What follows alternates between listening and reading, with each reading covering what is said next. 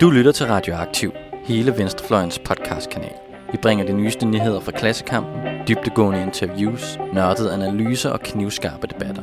Hvis du kan lide, hvad du hører, så husk at følge os på SoundCloud eller din podcast-app, og du kan også smide et like på vores Facebook-side. Så læn dig tilbage, knap bukserne op og nyd en varm kop Rød Radio. Velkommen til Radioaktiv Udbrud. Mit navn er Jeppe Rode, og øh, den her udsendelse handler om budgetloven.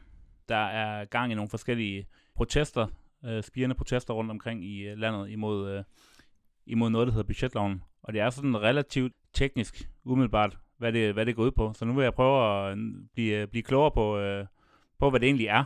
Øh, og derfor er jeg taget ind på øh, Christiansborg, hvor jeg mødtes med øh, Tormod Olsen og Jesper Kiel, der begge to arbejder for Enhedslisten. Tormod, du arbejder som herinde på Christiansborg, som, øh, altså hvor du arbejder med regions- og kommunalpolitik. Det er rigtigt. Ja. Og, øh, og Jesper er kommunal koordinator, hedder det vist. Ja, det er det. Øh, og I er også begge to valgt øh, lokalpolitisk. Tormod sidder i... Region Hovedstaden. Ja. Og, og jeg sidder i Svendborg Byråd. Yes. Godt. Jamen det kan være, Tormod, du vil øh, starte med lige at prøve at forklare, altså hvad er budgetloven egentlig? Ja, hvor skal man starte? Men øh, overordnet set, så er budgetloven et finanspolitisk redskab, der skal sikre, at udgifterne ikke overstiger indtægterne, og sagt på, på en anden måde, så er det en, øh, et værktøj, der, skal, der lægger låg over, hvor meget øh, velfærden kan fylde i økonomien, og altså sætter regnearket over behovet, hvis man skal sige det sådan helt kort. Hvor, øh, hvor kommer den fra? Han altid var der, eller? Øh, nej, altså den blev vedtaget, øh, det, er en, det er en, den danske implementering af EU's finanspagt. Så det blev vedtaget tilbage i 12 og fik så virkning for 14. Og øh, det blev vedtaget af øh, altså den daværende S, SF-R-regering og med støtte fra Venstre og Konservative.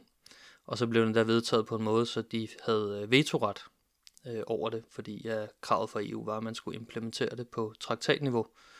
Men øh, så for at undgå en folkeafstemning dengang, så lavede de så den manøvre der med at give vetoret blandt de partier der.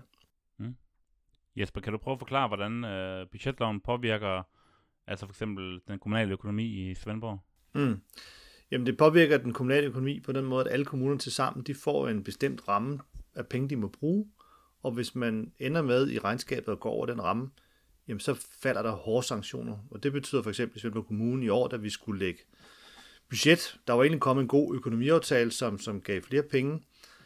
Men af frygt for, at der kunne komme nogle sanktioner med, når vi får regnskabet for 2019 og forskellige andre usikkerheder, som så, så gennemførte man sådan den, den årlige sparerunde alligevel, men lagde så 20 millioner kroner til side, som, som man egentlig ikke har sat, sat øremærker til noget, samtidig med at man gennemfører for, for omkring 8 millioner kroners besparelser.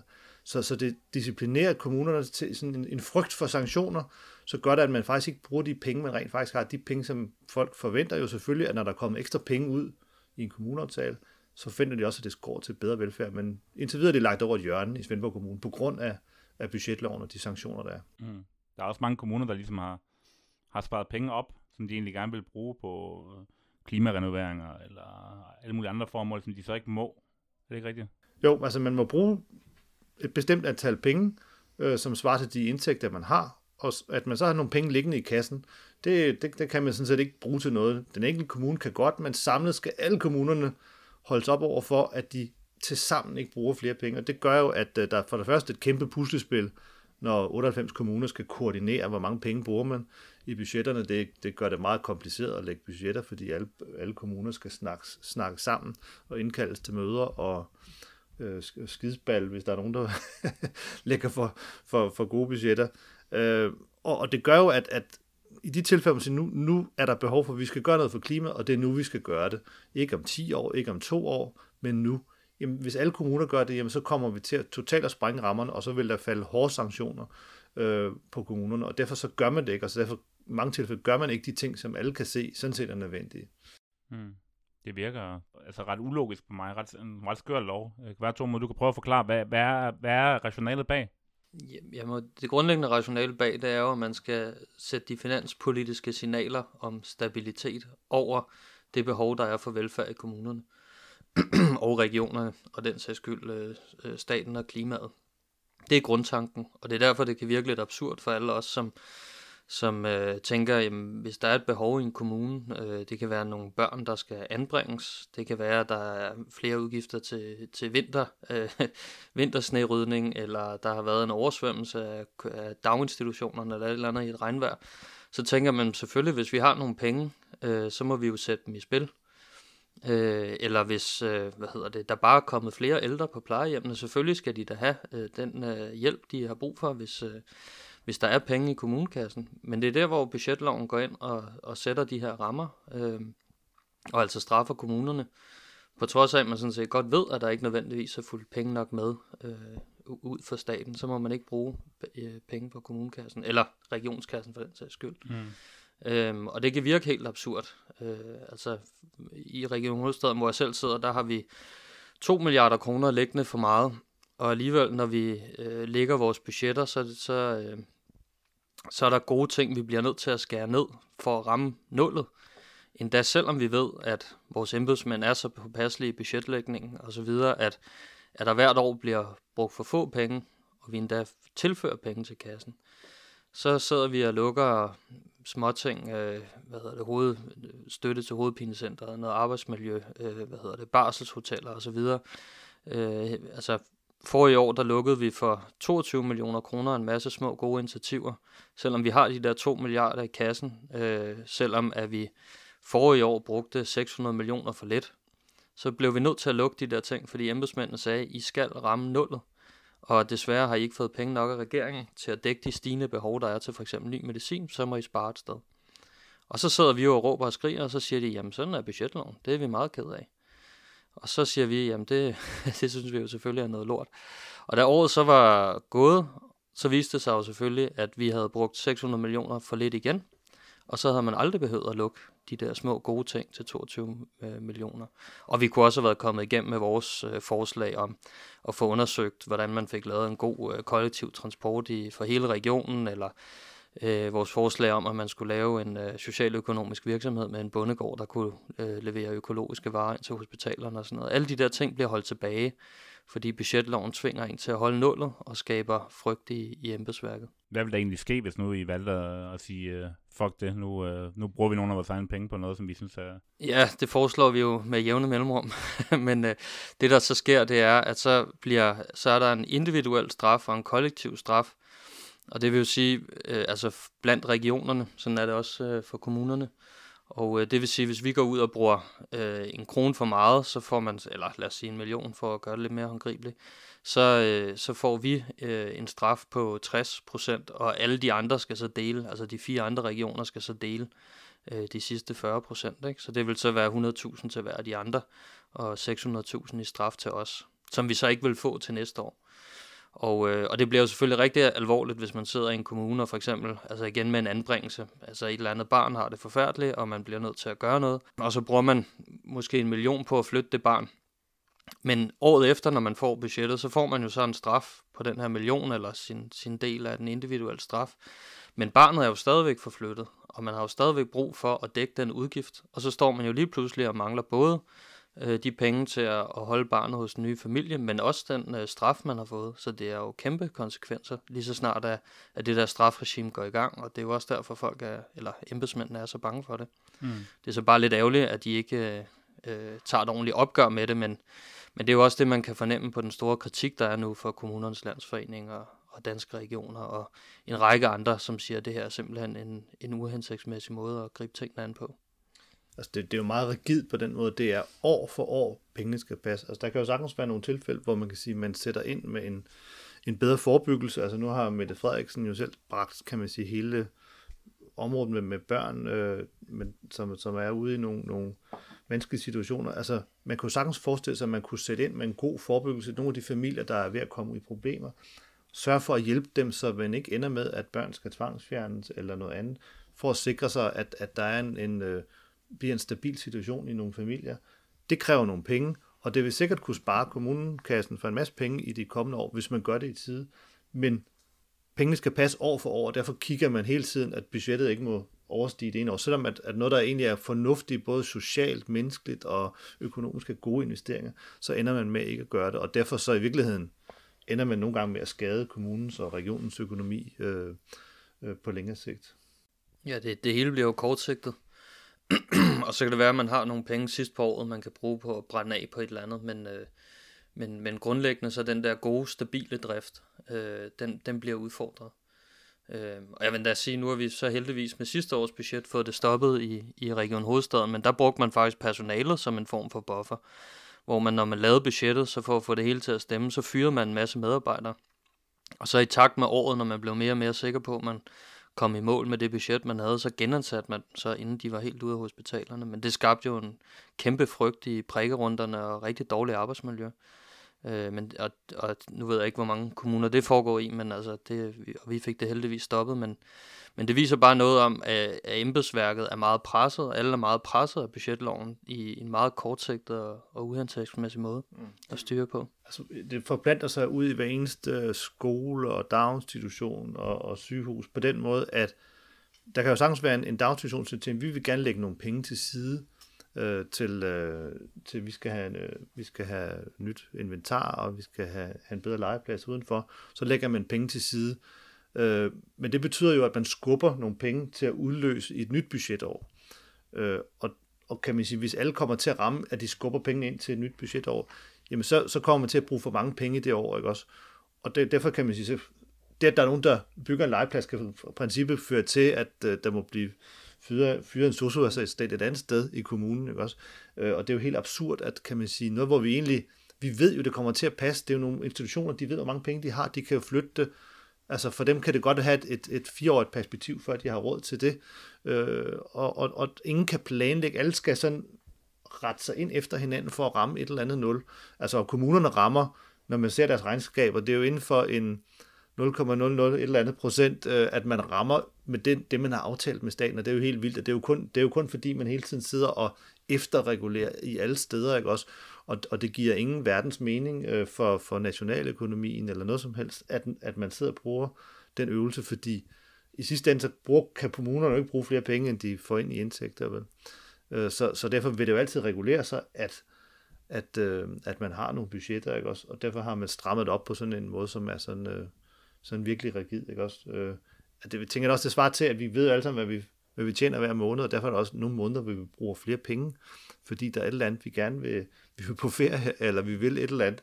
Men der har kommunerne altså bare, der skal være lige meget ferie, der skal være lige meget sjov, der skal være lige meget velfærd, øh, og lige mange skolebyggerier, og lige mange øh, legepladser hver eneste år, sådan i hvert fald i gennemsnit betragtet, og det bliver umanerligt rigidt og, og og slet ikke til at håndtere. Og det tror jeg i virkeligheden alle, stort set alle kommuner og kommunens landsforening har jo også vedtaget på, på sidste års delegeret møde, at man vil have lavet den her øh, budgetlov om, fordi den simpelthen lægger så stramme rammer for kommunerne, at det ikke er til at håndtere. På KL-topmødet der sidste år, ikke? Altså, det er jo bemærkelsesværdigt, at det er for alle partier, at man siger, at det her er noget... KL er kommunernes landsforening. Er kommunernes landsforening, ja. ikke? Altså, det var alle partier. Det kan godt være, at Liberal Alliance lige var lidt oppe og brokse under debatten, men alle stemte for. Øh, at, og det er jo ret bemærkelsesværdigt, fordi hvis jeg husker rigtigt, så, så er det et meget bredt flertal i Folketinget, der, der, der vedtog den der i 2012 ja. med Bjarne Køjderen i, i spidsen. Jeg tror kun Enhedslisten stemte imod, og Dansk Folkeparti stemte blankt, og så ja. tror faktisk, at alle andre partier støttede den. Ja. Øh, men ude i kommunerne og regionerne, der ser det så helt anderledes ud. Ja, ja men ja. Kommune, kommunepartierne kan jo se konsekvenserne, og kan se det absurde i den måde, som, som man styrer økonomien på. Ikke også? Mm. Øh, så derfor er alle sådan set indstillet på, at der skal ske noget. Det er også derfor, der er ved at, at komme gang i en stigende bevægelse for at presse på for, at det her skal enten skrottes. Der er jo en bevægelse, der hedder Skrot budgetloven, som vil prøve at indkalde til nogle, til nogle aktioner og demonstrationer, men mm. også altså fra alle kommuners side et ønske om, at, at man skal have lempet på det her en af de ting, vi taler om, kunne man lave det sådan så, at man i hvert fald i det mindste kigger over et fireårigt perspektiv, sådan så det ikke er år for år, alting skal passe. Det vil jo udjævne rigtig mange ting, sådan så man faktisk kunne bruge de penge, man har, og mm. havde en vis sikkerhed for, at, at øh, det, at man underforbruger et år, og derved, derfor vil bruge nogle flere penge til næste år, at det ikke udløser pludselig en sanktion og en straf, mm. øh, selvom man i virkeligheden bare har, har skubbet sit forbrug. Også. Mm. Ja, fordi det er jo, jeg synes også, det er vigtigt at huske, at selvom at man, man er meget tæt på, og som du siger, 0,0 af kommunernes økonomi og sådan noget, så er den samlede økonomi jo for kommunerne på de der 250-60 milliarder kroner. Mm. Så det er jo stadigvæk rigtig mange penge, man så kunne have brugt på velfærd, som man så er bange mm. for Øh, det sidste tal her for 19 er 400 øh, millioner, ikke? Det er alligevel små, små tusind ansatte, og hvis vi har summeret op, kommunerne er jo blevet bedre og bedre til at håndtere det her pres, men, men øh, når vi har siddet og regnet på det siden øh, nogle af de her sanktioner, øh, hvad hedder det, altså straffen for budgetterne og sådan noget, startede allerede tilbage i 8 i virkeligheden. Der har vi opregnet de cirka 32 øh, milliarder kroner, som er blevet brugt for lidt over årene. Øh, altså sådan cirka 3 milliarder i gennemsnit, og det er jo alligevel rigtig mange penge, øh, som kunne have været brugt til, til varme hænder derude eller andet. Mm. Øh, og jeg sad lige og tænkte på, altså det, det der er vigtigt at forstå med budgetloven, det er, øh, som du også sagde Jesper, hvis nogen bygger en legeplads, så er der nogle andre, der må øh, øh, holde tilbage. Og det er det budgetloven gør, det er, at den sætter velfærdsområderne i kamp med hinanden. Øh, og det har vi jo også set med nogle af, af de her øh, rigtig gode spirende bevægelser, øh, der har været på daginstitutionsområdet eller andet, eller øh, Øh, psykiatrien osv., det er jo den lidt triste melding af, at man, man kommer hurtigt til at kæmpe sin egen kamp, fordi øh, så længe budgetloven er der, så vil et fremskridt på et område medføre, at andre områder må holde for. Og det er jo, øh, det er jo en trist kamp, øh, og, og det er derfor, det er så vigtigt i, i et solidarisk perspektiv at gøre op med den her budgetlov, så at vi ikke ligger og kæmper mod hinanden. Og, og igen, øh, fuldstændig det samme med klimaet. Altså hvis, hvis Danmark skal i gang med at investere i, i en ordentlig grøn omstilling øh, Øh, til mange øh, milliarder, måske 100 milliarder eller et eller andet, så skal det jo ikke gå for velfærdsområderne. Så skal det jo være noget, som man øh, kan for eksempel skrive grønne statsobligationer ud til, og som så ikke tæller negativt i den måde, som øh, budgetloven regnes på, øh, men som man kan sætte, sætte skub i øh, i offentlig regi, i stedet for at man skal ud med, med, som de gjorde i år, med sådan en lokkepulje til 200 millioner, som, som så skal afdække de værste øh, investorrisici, som så skal lokke det private til at investere, og så regner man med, at man får 25 milliarder ud af det. Men, men det ender jo med, hvis den grønne omstilling kommer på private hænder, at, at fordi der skal betales afkast, der enten går det langsommere, eller også så får vi noget mindre. Altså, så det er også det er super vigtigt at forstå, hvor, hvor grundlæggende og skadelig budgetloven er for hele perspektivet. Mm. Jamen, det, i en kommune, der er det jo meget konkret, kan man sige. Vi, alle sammen, vi kan jo se, at i Svendborg Kommune har vi vedtaget en meget ambitiøs øh, klimapolitik, og det er helt åbenlyst, vi skal, hvis vi skal leve op til den, så inden for de næste 10 år, der vil vi være helt øh, kan man sige, gået over til at skal være forsynet med vedvarende energi. Det kræver, at alle biler inden for de, i kommunen øh, og alle busser inden for de 10 år skal, skal lægges om til el, og der skal laves elstander og sådan noget, kan man sige. Men vi har en eller anden, kan man sige, kommunen har til sammen en vis mængde penge, de må bruge på anlæg, altså på ting og sager, man køber, ikke? også på, på biler og på nye skoler og på renovering af veje og alt det der. Og det gør jo, så kommer det op til at konkurrere, som sige, hvis vi skal have elbusser, hvis vi skal have elbiler, hvis vi skal have skiftet til det, ja, så må vi vælge fra. Så er der nogle skoler, der ikke kan renoveret, så er der nogle daginstitutioner, der ikke kan få, få legepladser. Måske selvom vi har råd til det, ikke? Også, vi, vi har jo faktisk fået nogle nye aftaler nu, som, som gør, der er sådan rimelig, rimelig med råd. Der kan også være nogle kommuner, der ikke har råd, det er sådan en antag, ikke også? Øh, men, men hvis man har råd, så kan man faktisk ikke gøre det. Selvom at, at alt jo er logik, og selvfølgelig skal man sørge for at renovere skolen i tide, og ikke når den er blevet totalt forfaldet. Selvfølgelig skal man jo skifte elbilerne så hurtigt som muligt, for at man kan leve op til de klimamål, vi har sat os. Men der kommer alle de her økonomiske rammer til, de, kommer, de står sådan set over alt andet, ikke? og vi virkelig burde vores klimamål jo stå over budgetloven og, by, mm. og budgetkravene, og sige, det er jo det vigtigste, at vi skal have styr på det. Øh, og så kan man sige, så må vi få pengene til at passe bagefter, men her der er det bare, at pengene skal bare passe år for år, og for kommune kommune, og for alle kommuner til sammen lige præcis på, på et, øh, et mindste decimal, og det er det, der gør det helt absurd. Ja, det er det, og det er jo også, altså jeg tænker meget i, i den her situation, hvor er, at renten er lav eller negativ, altså Region Hovedstaden har lige tjent de første penge på at tage et lån, øh, fordi at kommuner og regioner jo øh, låner gennem det, der hedder kommunekredit, øh, som, som tilbyder nogle meget, meget billige lån, øh, og det er altså for Region Hovedstaden også et lån med negativ rente. Og, øh, og de penge skal jo bare puttes ind i nogle klimainvesteringer. Fordi hvis du kan spare på dine energiudgifter, øh, eller du kan købe nogle elbiler, jeg så øh, øh, også et øh, initiativ under Region Hovedstaden, der hedder Copenhagen Electric, som hjælper kommuner med at investere i, i øh, altså for at omstille deres bilflåde i hjemmeplejen osv. De siger, jamen det, det tjener sig hjem med vedligehold og øh, benzinudgifter osv., tjener sig hjem på mellem 3 og 6 år at skifte til en elbil. Ikke? Og, og du kan, øh, hvis du isolerer dine bygninger og så videre, så kan du spare lynhurtigt på, øh, altså lynhurtigt, måske 3-8 år kan du spare øh, på energiniveauet så meget, at du faktisk kan tilbagebetale lånet, ikke?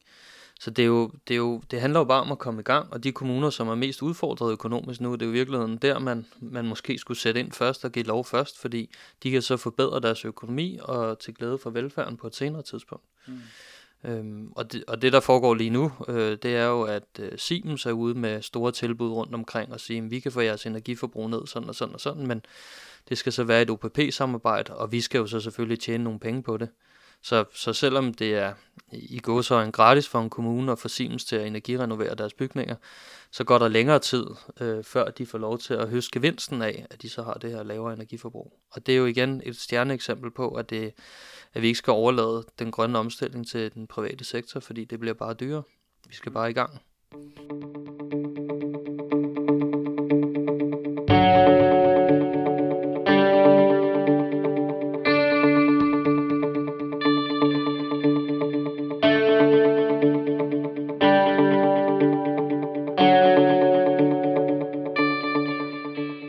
Det lyder lidt som om at det på en eller anden måde er en, af en konflikt, der har mellem nogle, altså nogle regnedrenge inde i Finansministeriet og nogle landspolitikere på den ene side, og så på den anden side alle de hvad hedder det, kommunale og regionale politikere, og, øh, som har ligesom fingrene nede i, øh, nede i dejen, og som laver den konkrete nære velfærd osv. Øhm, og sådan som jeg har forstået det, så er argumentet dybest set noget med, at, øh, at kommunerne bare ikke skal bruge flere penge, end de, end de får ind, øh, for deres egen skyld, øh, eller hvad? Fordi at at det kan kommunerne vel, øh, det kan kommunerne vel selv styre. Hvis kommunerne gerne vil bruge nogle penge, hvorfor er det så, at der sidder nogle folk inde på Christiansborg og, og prøver at forhindre det? Det tror jeg, jeg har lidt svært ved at forstå. Jamen, det hænger jo sammen med det der, kan man sige, det der med finanspakten, og det, det kan man sige i øjeblik, at kommuner for eksempel begynder at bruge af deres likviditet, så stiger deres, kan man sige, samlede gæld jo på den måde, at, at hvis man tager likviditet og altså de penge, man har i kassen, og så op over for, hvor mange penge man skylder, så kommer man jo netto til at skylde flere og flere penge væk. Og det er det, man i henhold til EU ikke må. Og så man egentlig ikke låner penge, så kommer man til samlet set jo som, som, som samfund til at skylde flere penge væk i forhold til, hvor mange penge vi bruger. Det er jo ligesom det, som man har lovet at holde, holde op over for, ikke også? Øh, men det er klart, at i den enkelte kommune giver det jo ingen verdens mening, at man ikke kan bruge de penge, man har man faktisk har sparet op, ikke også? Og det er derfor, kan man sige, det der med, at man kigger det på det år for år, og ikke kigger tilbage, nu har vi gået og sparet op i fire år, nu fyrer vi nogle penge af på, på at få energirenoveret. Det, det giver ikke mening, at man ikke kan gøre det. Men altså, kommunerne er jo oven i det pålagt en sådan form for skattestop, øh, som sammen med budgetloven jo fører til, at når Odense Kommune, og det forstår jeg godt, de har gerne vil have noget bedre velfærd, så de har hævet skatten. Det er også et par andre kommuner, der har. Men da man samlet set kun må bruge den samme mængde penge, så bliver det trukket fra de andre kommuners bloktilskud. Så når de andre kommuner rundt i landet kræver 200 millioner, at altså, de kræver sådan set flere penge ind fra borgerne, jamen det bliver så trukket, altså når der bliver klaret 200 millioner op på landsplan, så skal Svendborg Kommune, så mister vi 2 millioner, det er vores andel, fordi vi udgør sådan cirka 1 procent. Øh, så, så, så det kommer jo oven i det her. Det spiller også ind i forhold til den her store diskussion, der kører for tiden om, om en udligningsreform. Formodentlig kommer Gentofte til at skulle øh, miste nogle penge, og så får Svendborg Kommune et eller andet sted. Lige nu, de tal, der har været fremme, var omkring 80 millioner. Men det, som regeringen for eksempel ikke har svaret på, hvis de fastholder budgetloven og fastholder de rammer, der er for den kommunale økonomi, så må vi jo samlet set kun stadig bruge den samme mængde penge. Så hvis Svendborg Kommune får 80 millioner, så er det sådan set ikke sikkert, at vi må bruge dem. Mm. Øh, fordi det kan være, at hvis Gentofte hæver skatten, de har meget lav skat, øh, jamen så bliver det trukket fra vores bloktilskud og andre kommuners bloktilskud, og så ender det i virkeligheden med, at, at kommunerne kan bruge den samme mængde penge. Så det er jo også en kamp, der kommer ind i det her, det er, at hvis man omfordeler de her penge, så risikerer man bare at skulle skubbe rundt imellem, hvem har hvor mange penge liggende i kommunekassen, og i virkeligheden ikke får bedre velfærd og ikke bedre mulighed for at få udnyttet udnytte den, kan man sige, den omfordeling, man vil lave. Ikke også? Så, så det er jo altafgørende, at vi får blødt op på det her. Mm. Så grundlæggende så er det, så er det en lov, som er vedtaget på Christiansborg, som forhindrer lokale politikere i at træffe beslutninger om at bruge nogle penge, som de har. Hvis der er flertal for det, så må de ikke bruge dem alligevel. For eksempel i, i Region Hovedstaden, som du fortalte ja, om. Ja, så, så bliver man straffet. Både når man lægger ja. budgettet, og hvis når året så er gået, regnskabet kommer. Ja. Men altså nu, og nu har Radioaktiv jo nogle stærkt begavede lytter, så mm. jeg mhm. tænker, vi kan hvad hedder det, godt lige hoppe op på den helt høje klinge her. Ikke? Fordi det, der jo handler om, det er, at du holder den offentlige sektor i ro. Altså det er jo, som jeg siger, et finanspolitisk værktøj, som så betyder, at når man sidder og vedtager øh, politik herinde på Christiansborg om, at kommunerne får en stigning, altså der har jo været en række økonomiaftaler hvert år, der, der er i maj, som vi også nogle gange kalder velfærdens finanslov, fordi det er jo der kommuner og regioner, som leverer velfærden, de får deres penge. Og når man kun giver dem, hvad der svarer til øh, det her, man kalder det demografiske træk, altså øh, som svarer til, hvad koster den samme ydelse, hvis vi fremskriver det et enkelt år. Altså i forhold til, at der er så så mange mennesker, der bliver ældre. Ja, ja, der bliver ældre og flere børn og sådan noget. Ja. Ikke? Øh, og det er jo endda et fremskridt, at vi overhovedet er kommet dertil, fordi under den tidligere borgerlige regering, der blev givet mindre, end hvad udgiften steg med. Øh, og nu har man så givet nogenlunde, hvad udgiften øh, stiger med det rene demografiske træk, men samfundsvæksten er meget større. Og det vil sige, at budgetloven er jo med til at holde den offentlige sektor nede i forhold til, hvordan den private sektor vokser.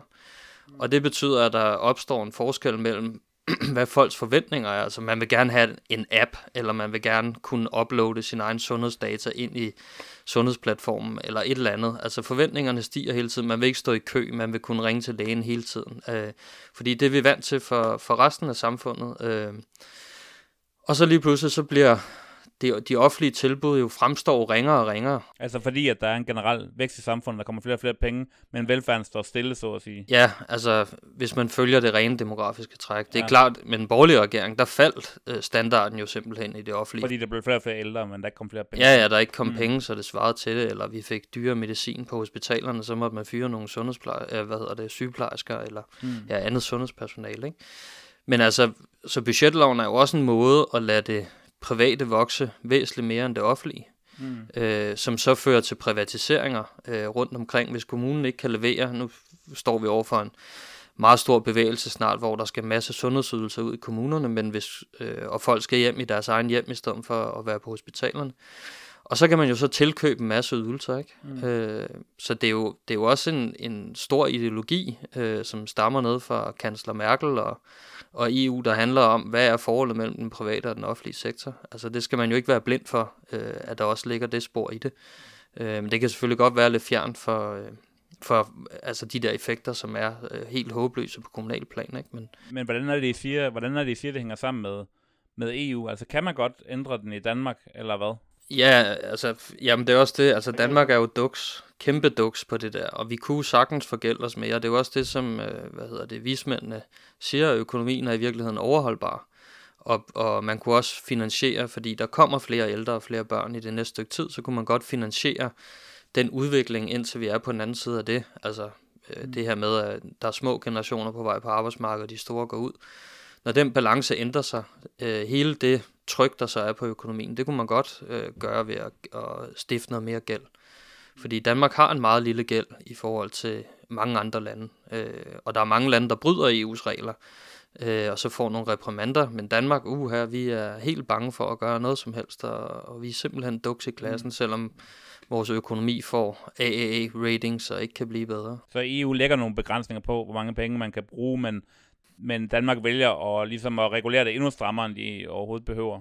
Ja, ja, og ja. man kan sige, man kan sige, staten kan jo godt sikre, altså man kan sige, nu har vi haft først, eller senest den borgerlige regering, og også tidligere torning regering, som begge, som begge var, var meget glade for at dele skattelettelser ud. Det er klart, når, så er budgetloven jo sådan, at hvis du deler skattelettelser ud, jamen, så skal du også skære velfærden. Det, de penge skal passe. Så selvfølgelig, staten har jo sådan set mulighed for at sige, at vi, vi sørger for, at der kommer en ekstra penge ind. Altså hvis det stod til enhedslisten, at de rige fik lov at betale noget mere igen, jamen så var der sådan set penge til det, så kunne man stadigvæk leve med budgetloven, men når man er ude i regionerne, som ikke kan bestemme, hvad skatten er, ja. når man er ude i kommunerne, som er blevet pålagt, at der er skattestop, så hvis nogle kommuner øh, hæver skatten, så skal nogle andre sænke det, eller også øh, på form af en dumbøde i fællesskab, og det bliver trukket for bloktilskud. Ude i de to leder, det er jo der hovedparten af hele velfærden er, derude i regionerne og kommunerne. De to led kan ikke selv bestemme, hvad vores indtægter er.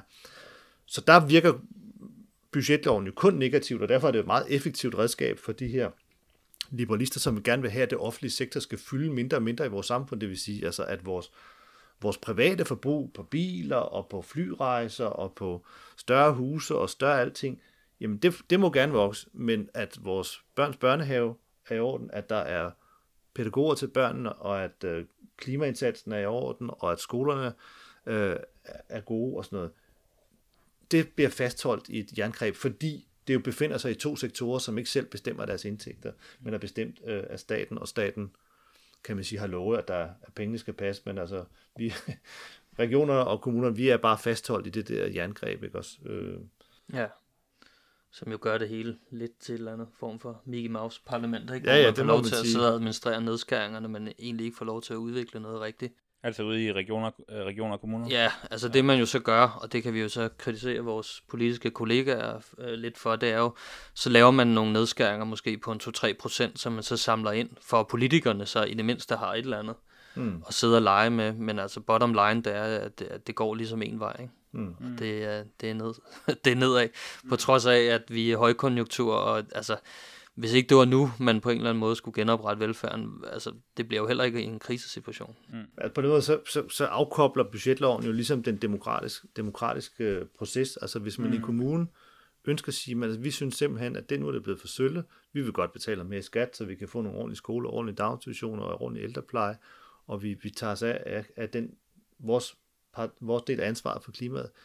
Jamen så kan man ikke gøre det, fordi så, så står der nogle andre borgmester og siger, hov, så skal vi spare, fordi I begynder... Men er det også budgetloven, der, der bestemmer det der, at øh, man ikke må hæve skatterne? Eller? det er, sådan, det er noget, der er lagt til, kan man sige, ved siden af, men i kombination med budgetloven, så betyder det, at der har en vis mængde penge, man må bruge, og der samtidig er sagt, at den, den mængde penge, den, den bliver ikke forøget, når nogen de kræver ekstra indtægter ind, og det er, sådan, det er det, man har lagt de to ting sammen, ikke også?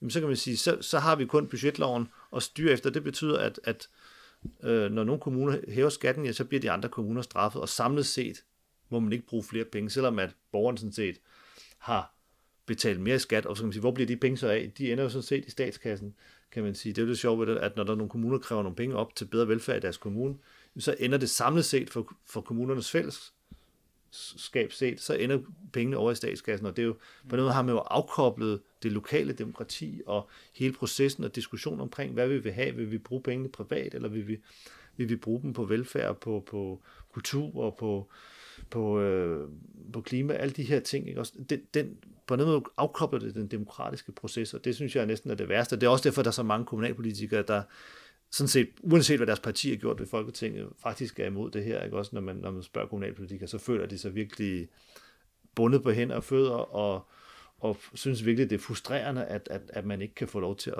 at træffe de beslutninger, som man egentlig synes, man er, man var ansvarlig nok til at, at gøre. Ikke? Også. Ja, men altså selvfølgelig er alt, alt offentlig økonomi og styring er jo blandet sammen af forskellige beslutninger. Det er jo, det er jo klart, og forskellige regler, men det er bare budgetloven, der deler straffen ud. Og det er budgetloven, som holder øh, folk i et jerngreb, ikke? Fordi det, altså, eller kun folk, øh, ja også folk, men kommuner og regioner i jerngreb, fordi det ændrer jo hele styrkeforholdet. fordi hvis man ude kommunalt og regionalt havde den frihed til at sætte skatterne op øh, uden straf, eller man, man kunne øh, bruge løs af likviditeten, jamen så, så kunne man jo på en eller anden måde sige, at det er den magt, vi har til at, at give vores øh, holdning til forholdet mellem behov og finansiering. Øhm, og så kunne man gøre det, så længe man havde øh, penge til det, eller krasse nogle flere penge ind. Men nu er det hele jo lagt over på staten, og i de rammer, der bliver givet der til velfærdens finanslov med økonomiaftalerne. Øhm, og hvis du ikke holder den aftale hvert år, så får du bare kniven, og det kan du bare ikke gøre noget ved. Øh, og det er det, der ligesom er essensen af budgetloven. Og så ligger der selvfølgelig en masse andre politiske aftaler rundt om, der former vores økonomi, men det er bare budgetloven, der lige fører kniven, hvis mm. man kan sige det sådan. Ja. Og nu, er den, nu har budgetloven så fungeret i øh, lidt over syv år, og, øh, hvad hedder det, og det er så blevet besluttet, at man skal ligesom prøve at, at evaluere den, og måske øh, revidere den øh, her i år. Øh, og det er så også derfor, at, at der er sådan lidt grøde i andedam rundt omkring, og også derfor, vi snakker om den øh, nu. Øh, men øh, hvad er det? Øh, er der nogen, øh, kan I sige lidt om de her øh, forhandlinger, eller hvad man kan sige? Er, er de gået i gang, eller... Jo, men altså regeringen har været meget øh, tilbageholdende med at melde ud, hvad de egentlig ville. Altså, øh, det står i forståelsespapiret, at man skal kigge på flereårige budgetter. Og forståelsespapiret, det er det, der er blevet indgået mellem ja, øh, Socialdemokraterne. Ja, og støtte, ja. støttepartierne, Ja. ikke?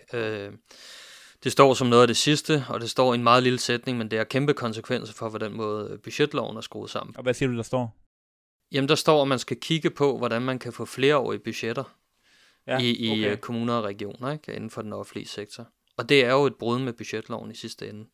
Altså det vil betyde, at man kan bruge øh, flere penge det ene år, og så bruge færre penge det andet år. eller Ja. omvendt. Ja, ja. Det betyder, at man ikke har så rigide rammer og bliver straffet, og embedsmændene bliver bange, og embedsmændenes underordnede ude på skoler og så videre bliver bange, og deres souschefer bliver bange, og mm. hele kaskaden ned igennem. Ikke? Så det vil jo afmontere og få en, en mere fornuftig drift øh, af velfærden derude, ikke? Mm. Uden, nød, altså, uden at man behøver lave de her bufferpuljer nødvendigvis, og lave de her årlige nedskæringsrunder, mm. som man ser rundt omkring. Ikke?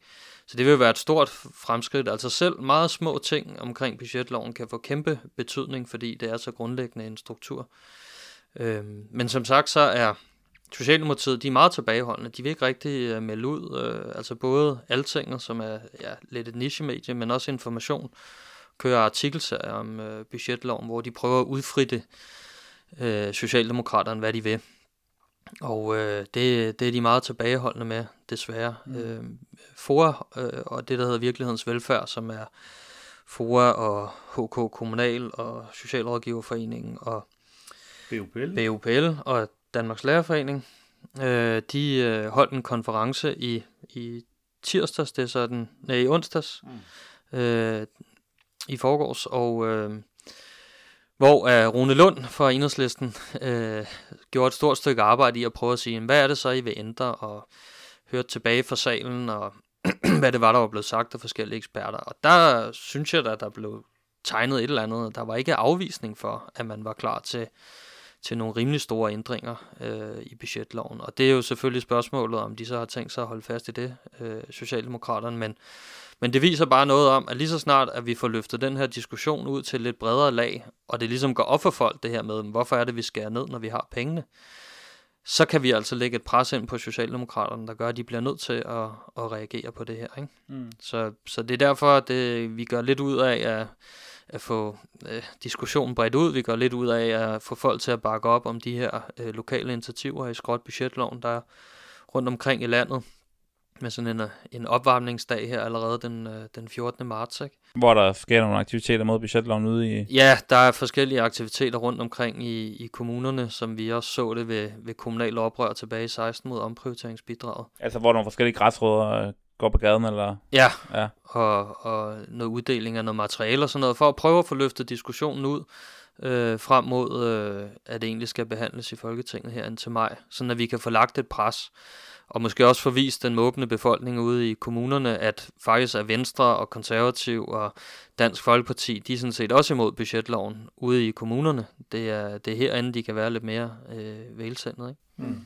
Og, men der er behov for, at dem, som, som mærker konsekvenserne, altså de ansatte i kommunerne, øh, fra de forskellige forbund, og for, for, altså at nogle af, af tillidsrepræsentanterne, de øh, prøver at mobilisere, og vi håber jo også, at- at de kan tage nogle af dem i hånden, som er fra forældrebevægelsen, fordi det er jo klart, at hvis de her, hvis der skal være bedre normeringer, og, og, og kommunen skal bruge sin, de penge, man får, jamen så er det jo, vi skal have lempet på den her budgetlov. Mm. Sammen med klimaaktivister, som jo også, hvis vi skal opnå, altså kommunerne kan jo gøre en kæmpe indsats på klimaområdet, hvis man får frie hænder til det. Mm. Øh, og vi håber helt at komme af med budgetloven, men, men der hvor de også de konkrete krav var, for eksempel, jamen, altså, kan vi friholde øh, for eksempel investeringer på klimaområdet fra, fra det der anlægsloft, hvor man siger, så er så mange penge, man bruger, sådan så at klimainvesteringer ikke skal kæmpe imod en, en børnehave, som alle kan se, bliver nødt til at blive renoveret, eller, en, bør- eller nogle de kommuner, der vokser, hvor man simpelthen står og mangler en børnehave. Altså kan man jo ikke bare sige, vi skal ikke have nogen børnehave, vel, fordi klimaet er vigtigt, vel. Altså det er jo det, det absurde valg, man har stillet op over for. Endda nogle kommuner, som faktisk har penge til det, eller hvor man kan sige, det også gav mening, at man lempede yderligere og lod kommunerne låne penge til det.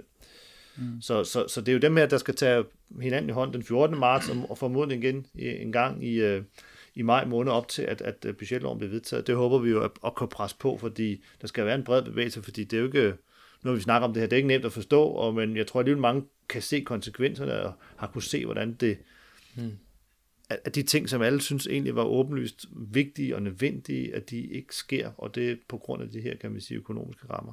Så, så det er vigtigt at lægge det pres på Christiansborg, fordi, øh, fordi ellers så fortsætter tingene jo nok, eller med, nogle, med lidt små ændringer, tænker jeg ikke også, men der skal helst lidt større ændringer til, håber jeg, øh, for at det virkelig kommer til at få effekt. Jamen, det er det. Og det er super vigtigt. Altså, selvom det er svært, så oplever alle jo, at lejerskolen i, koster penge, og der skal lægges lidt flere penge på plejehjemmet, og julekassen i børnehaven og sådan noget, så de kan få en tur. Alle de der små gode ting, som, øh, som bliver skåret væk i den offentlige sektor. Altså, øh, man skal bare få en forståelse af, at det er på grund af budgetloven, at man ligesom skærer ned og skærer ned og skærer ned, hvor det så er rundt omkring, og at, mm.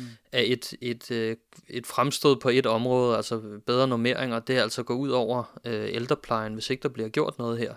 Øh, så det ligesom er en uendelig kamp mod hinanden, i stedet for at stå sammen. Ikke? Det er det, som er vigtigt, folk de forstår og, mm. og kan kæde det her sammen med, med budgetloven, ikke? som så er her for første gang siden, siden 14. Nu får vi endelig en mulighed for at gøre op imod det, ikke? Øh, det her meget grundlæggende system. Ja. Fedt, jamen det bliver jo, øh, det bliver jo rigtig spændende at se både, hvad der sker med, med bevægelserne, men jo også, øh, hvad der sker inde på, herinde på Christiansborg. Vi får se. Tak fordi I vil være med i dag. Ja, velbekomme. Ja, selv tak. Det er også der takker. thank you